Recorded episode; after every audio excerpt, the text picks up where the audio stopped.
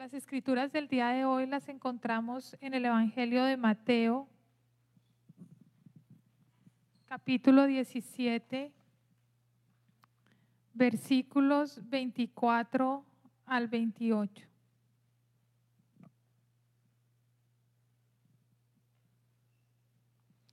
Nuevamente las, las escrituras del día de hoy las encontramos en el Evangelio de Mateo, capítulo 17, versículos 24 al 28.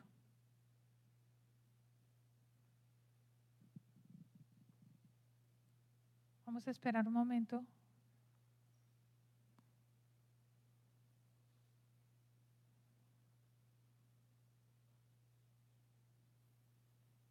¿Las leo? Cuando Jesús y sus discípulos llegaron a Capernaum,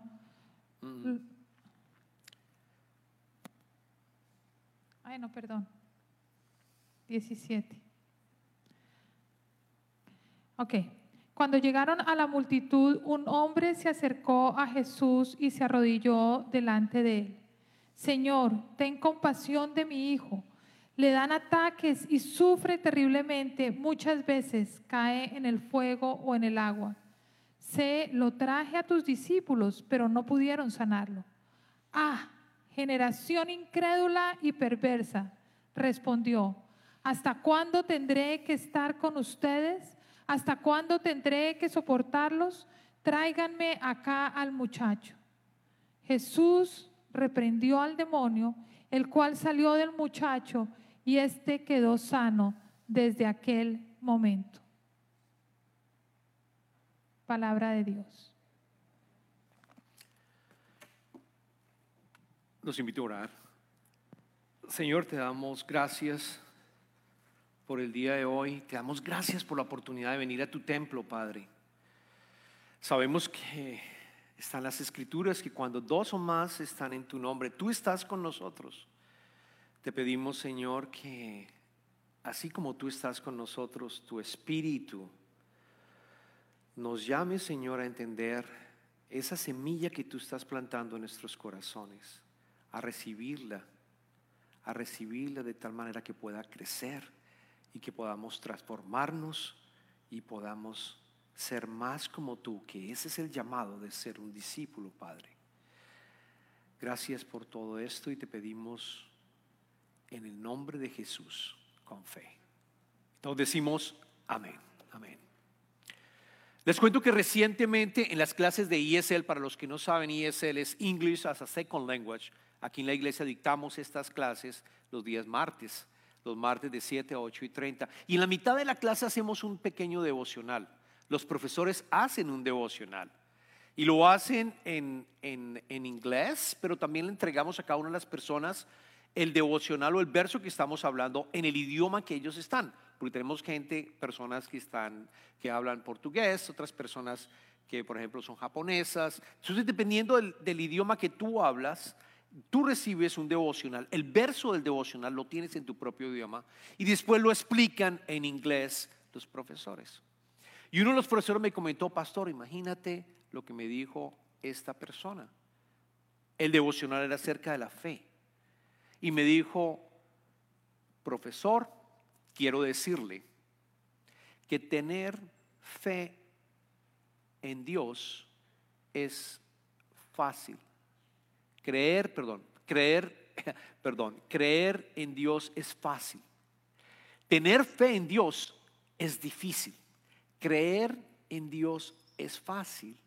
Tener fe en Dios es difícil.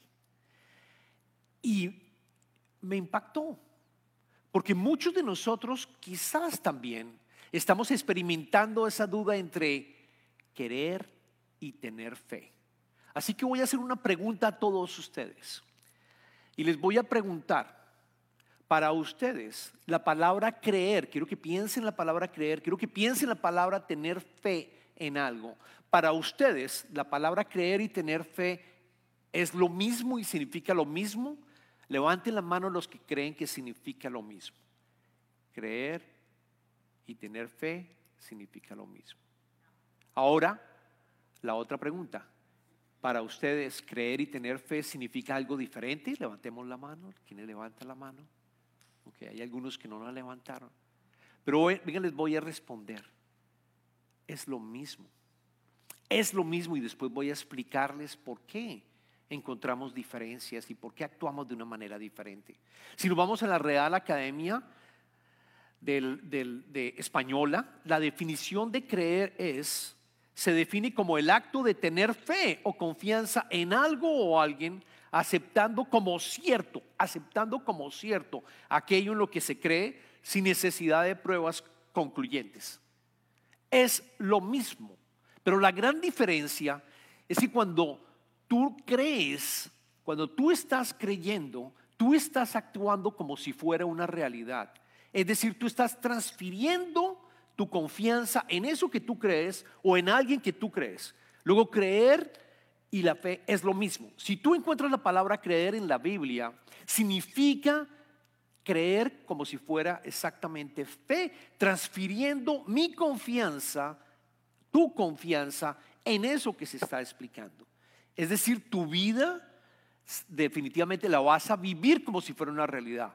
Tú estás viviendo eso y tú crees y actúas de esa manera. Pero ¿qué sucede? ¿Por qué nosotros creemos que es diferente? Porque coloquialmente empezamos a usar la palabra creer para cosas intelectuales, para hechos, para un tema cognitivo realmente intelectual que se queda acá. Por eso decimos cosas, por ejemplo, yo creo que Simón Bolívar lideró la, lideró la libertó los países de Colombia, Venezuela, Ecuador, Perú y Bolivia. Eso es cierto, yo lo creo, pero eso implica un cambio en mi vida, eso me afecta realmente. Voy a dejar, voy a transformarme, voy a cambiar algo en mi vida porque Simón Bolívar es el libertador de los países bolivarianos. No, no, no es cierto, no va a cambiar. Igual ocurriría si ustedes dicen, yo creo que la tierra es redonda. Y algunos dirán, yo creo que la tierra es plana. ¿Cambia eso en tu vida? ¿Tú vas a actuar de una manera diferente porque la tierra es redonda o es plana? No. Ese creer es intelectual. Ese creer se quedó acá. Ese creer se quedó de una manera intelectual. Es un hecho. Y cometemos el error, cometemos el error de transferir ese esa manera de expresarnos coloquialmente sobre creer a temas, a temas espirituales. Y es muy, pero muy peligroso. Es muy peligroso. ¿Por qué? Porque no estás transfiriendo confianza en lo que tú estás creyendo.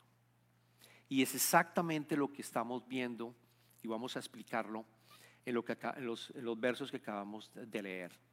Este evento que ocurre en el Evangelio, que lo leímos en el Evangelio de, Mateo, también ocurre en el Evangelio de Marcos, también lo pueden encontrar en el Evangelio de Lucas. Los tres evangelios cuentan esta instancia cuando Jesucristo sana a una persona que tenía y expulsa a un demonio, a un niño que tenía un demonio.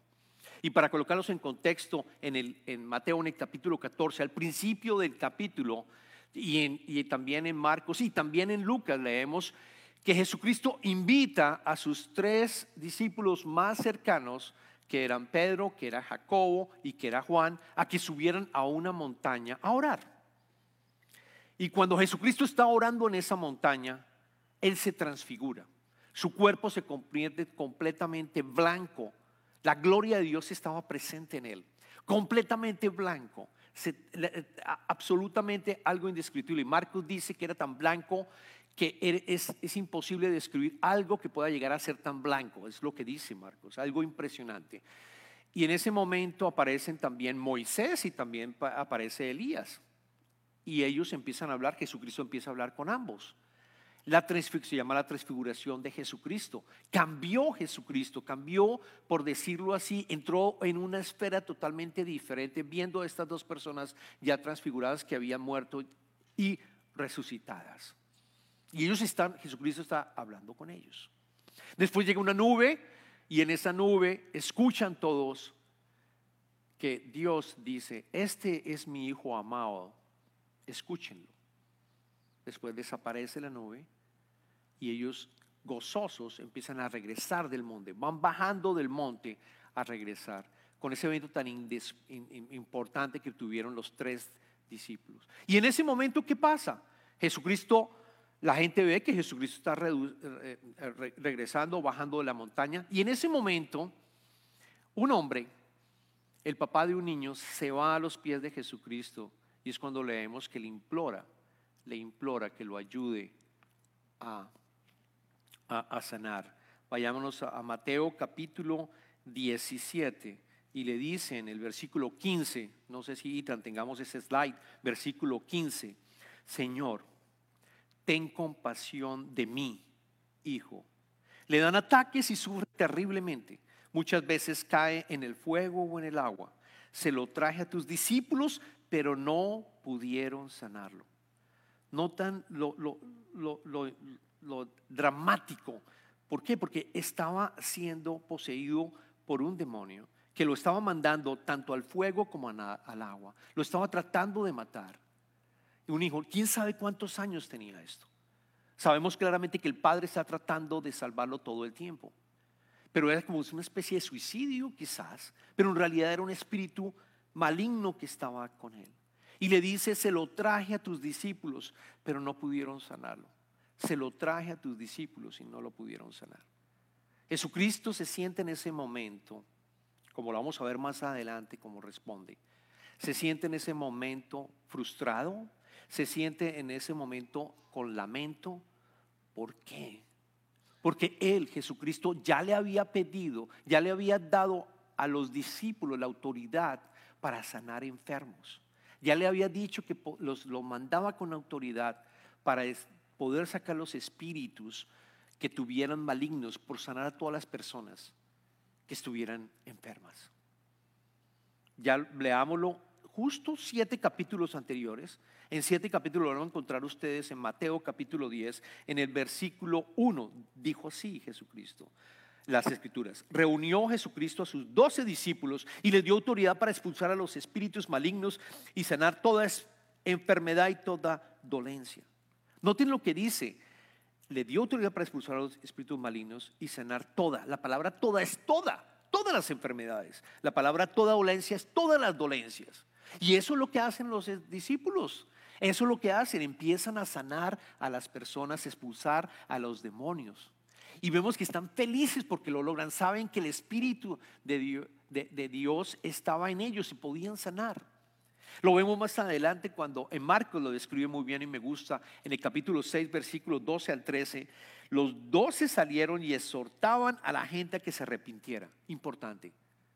Ellos exhortaban a la gente a que se arrepintiera primero. También expulsaban a muchos demonios y sanaban a muchos enfermos, ungiéndolos con aceite. O sea, los discípulos ya estaban haciendo esto. Los discípulos estaban diciendo, el reino de Dios está cerca, está accesible para ti. Arrepiéntete, arrepiéntete, cambia de rumbo. Recibe, a Jes- recibe las buenas nuevas. Cree en Jesucristo que es el Mesías. Y los, y los enfermos se sanaban. Y aquellos que estaban poseídos de demonios o de espíritus malignos, también los expulsaba. Claramente ya lo habían hecho. Pero se encuentra frustrado y se da cuenta de que no pudieron hacerlo en este momento. Sus discípulos, los nueve que quedaron, no pudieron sacar a esos espíritus. Y adicionalmente, el Evangelio de Marcos cuenta que los maestros de la ley estaban con ellos discutiendo. Seguramente los maestros de la ley le estaban diciendo a los discípulos, ¿no es que te dio poder Jesucristo, su Mesías, su Rey? ¿No que podían ustedes sanar a todos? Noten, ¿por qué no están sanando? ¿Por qué no pueden llegar a sanar? ¿Qué está pasando con ustedes? ¿Se imaginan las burlas que de pronto debieron de haber tenido? ¿Se imaginan ese tipo de burlas en ese momento? Y Jesucristo es por eso que responde, de una manera dura, si lo quieren, si lo quieren entender. Él dice, esta generación, dice primero, esta generación que no tiene fe, esta generación eh, sin fe y por otro lado, esta generación perversa. Utiliza dos palabras, incrédula, sin fe, y una, una generación sin, fe y por otro lado eh, perversa, utiliza unos términos fuertes que los había sacado también de probablemente del Antiguo Testamento, en donde dice incrédula no tienen, tienen poca fe o no tienen fe. Y por otro lado, perversa, que significa que están twist, que están, que están con una mentalidad torcida. Los regaña de cierta manera, a todos, no solamente a los discípulos, sino a los demás. Y hace dos preguntas muy importantes que son, ¿hasta cuándo voy a estar con ustedes?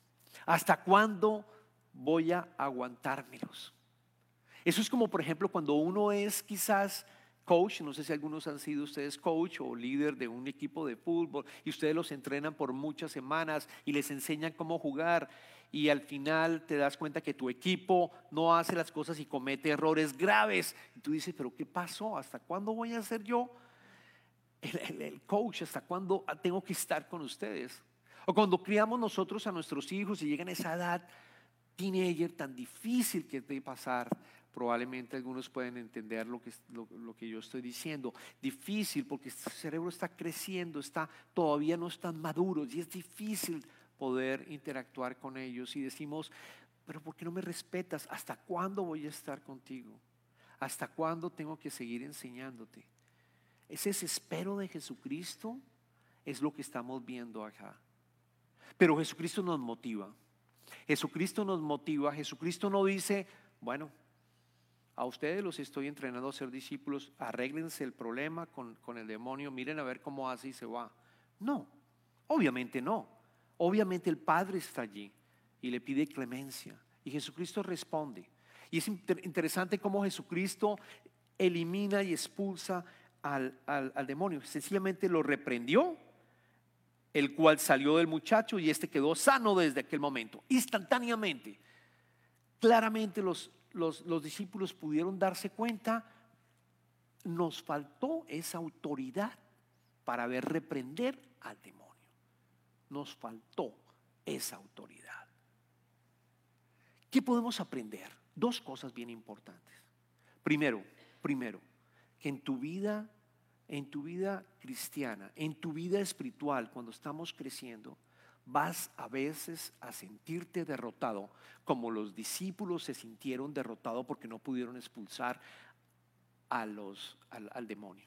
Te vas a sentir derrotado porque quizás tú has visto, a visto el poder de Dios actuando en tu vida y algo ocurre y tú no encuentras respuesta a tu oración.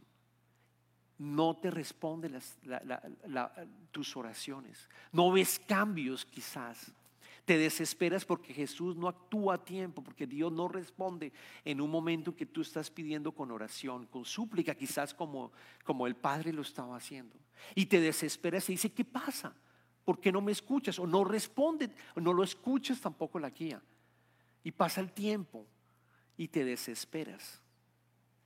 Pero quiero decirte que este verso precisamente, y estos, estos versos están acá, para decirte que algunas veces nos vamos a sentir derrotados.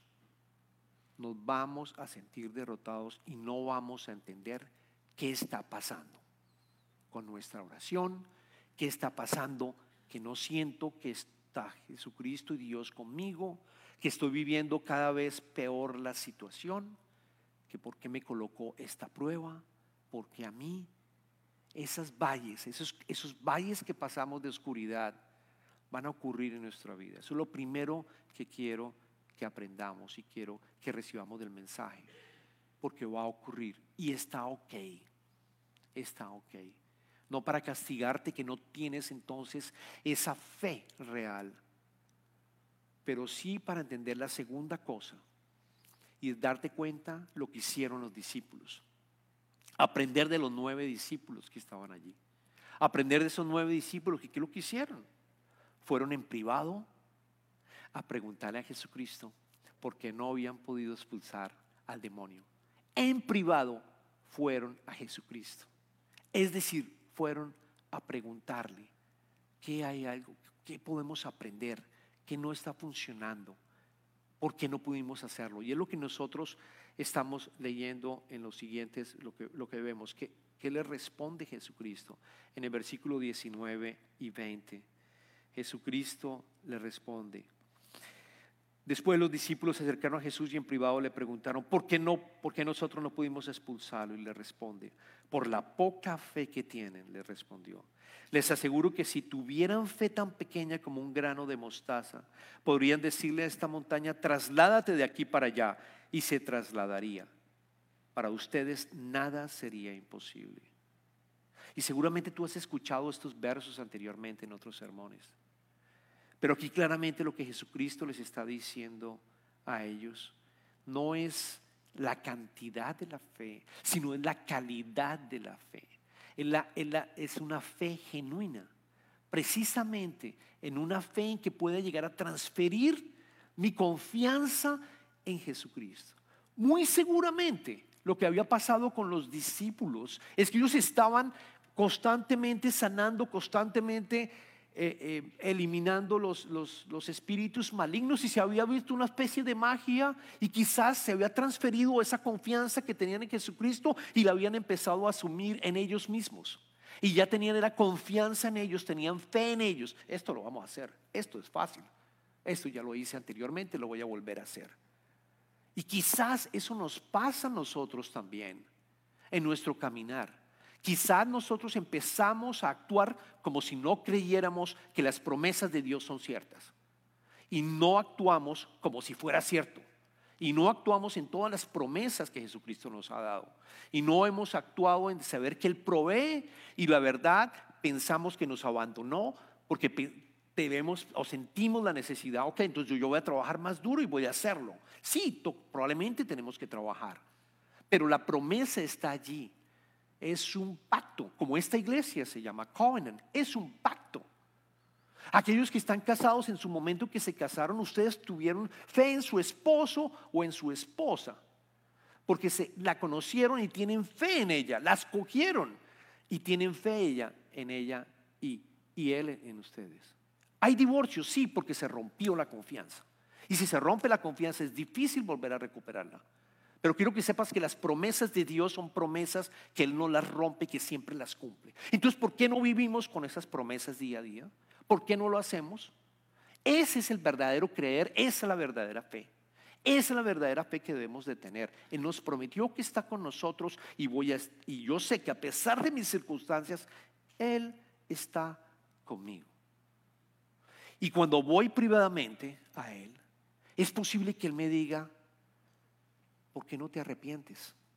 Es posible que tú estés en pecado de alguna circunstancia. Es posible que tú lo hayas ofendido. Y tú necesitas un perdonar a alguien o, o tú pedir perdón a Dios.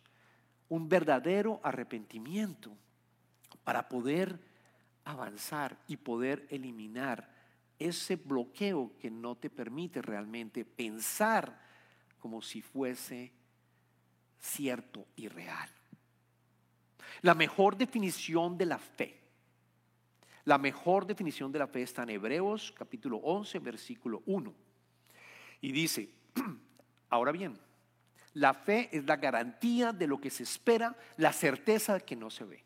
Si lo pueden memorizar, memorízalo, grábalo esa es la mejor definición de la fe, que seguramente ustedes lo han escuchado. Pero yo quiero decirles algo importante. Esa garantía no es la garantía que nosotros hablamos, se me dañó la batería y voy a ver, hace poquito se me dañó la batería, y voy a ver si mi batería me funciona, voy a ir a mi casa y entonces la garantía y entonces un contrato. No, esa garantía que está escrito no es la misma garantía que estamos viviendo en el mundo que se nos dañó el carro, o que la casa, o se nos dañó también el aire acondicionado nosotros hace poquito, y entonces voy a ir a aplicar la garantía. No, esa garantía tiene mucha letra menuda. Esa garantía no es tan cierta. Es sí o no. A veces vamos, aplicamos la garantía y no funciona. No funciona porque es una garantía hecha en el mundo. Pero esta garantía que está hablando, aquí en las escrituras, si ustedes van al griego, significa hipóstasis. En griego significa sustancia, esencia, seguridad, realidad.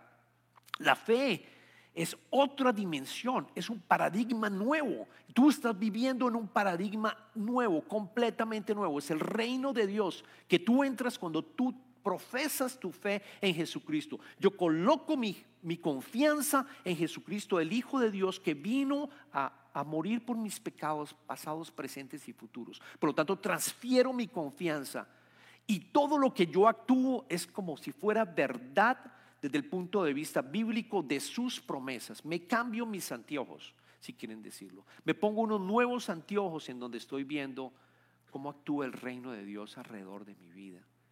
Es una nueva realidad, es una promesa.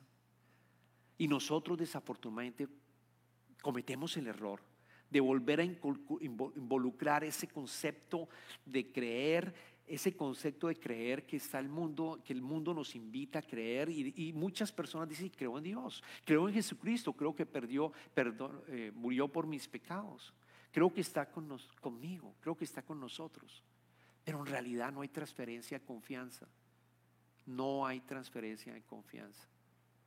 ¿Cómo hago para tener más transferencia de confianza? empieza a actuar como si fuera verdad. Empieza a actuar como si fuera verdad. Poco a poco. Y por eso, para terminar, les voy a, dar un ejercicio para esta semana. Dios es amor. Está escrito múltiples veces en el Antiguo Testamento, en el Nuevo Testamento. Dios es amor. Dios te ama inmensamente. Te ama inmensamente. ¿Por qué no esta semana empiezas a recordar esa promesa y actuar como si Dios verdaderamente me ama? Y entonces vas a ver que estás entrando en un nuevo paradigma porque a pesar de la dificultad, mi enfermedad, mi falta de trabajo, mi falta quizás de mis documentos, o quizás que alguien me está ofendiendo, o cualquier otro problema que tú estés viviendo y dificultad que tú estás viviendo, tú sabes que tu identidad está en Cristo. Tú sabes que Él te ama inmensamente. Eso cambia completamente el paradigma. Eso entras en una nueva dimensión totalmente diferente. Ese es el reino de Dios. Eso es caminar con Él. Eso es Jesucristo, Emanuel, Dios con nosotros. ¿Y cómo lo puedo hacer? Porque no abres un espacio en tu agenda de nuevo. Quizás en la mañana voy a tener un momento con el Padre, quizás al mediodía y quizás al final del día. O si es mucho, empieza primero en la mañana. O quizás cuando sientes que tu sentimiento, que estás frustrado, que hay algo que no puedes manejar, que te sientes frustrado porque la situación que estás viviendo, en ese momento entonces, recuerda, recuerda esa promesa, recuerda esa promesa que Dios te ama inmensamente. Y así vas a experimentar una fe verdadera, una creencia verdadera, en donde vas a transferir tu confianza en Él poco a poco lo vas haciendo. Hagámoslo esta semana y esa es la invitación. Es la misma invitación que esa niña que le comentamos, que le preguntó al profesor, le dijimos. Esa es la gran diferencia. No te quedes con una creencia intelectual, sino que pase esas promesas al corazón y actúan como si fuera verdad, porque es verdad, porque es verdad. Oremos. Amado Jesús, te damos infinitas gracias por haber venido a este mundo para reconstruirlo, para volver otra vez a enseñarnos cómo ser humanos y tener tu imagen y vivir en tu imagen y semejanza. De tal manera que podamos caminar cada día, Señor, sabiendo que tú estás con nosotros y que todas las promesas que están escritas en las escrituras son verdad. Ayúdenos, Señor, a caminar cada día, vivir cada día, sabiendo que tus promesas son ciertas. Que ese creer, Señor, se mueva de nuestro mundo intelectual a nuestro corazón.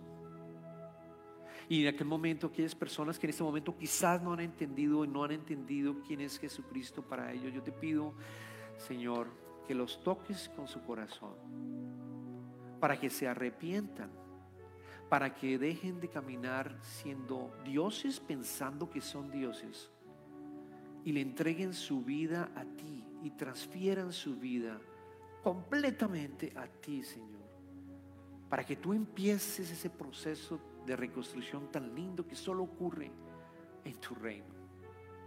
Gracias, Padre.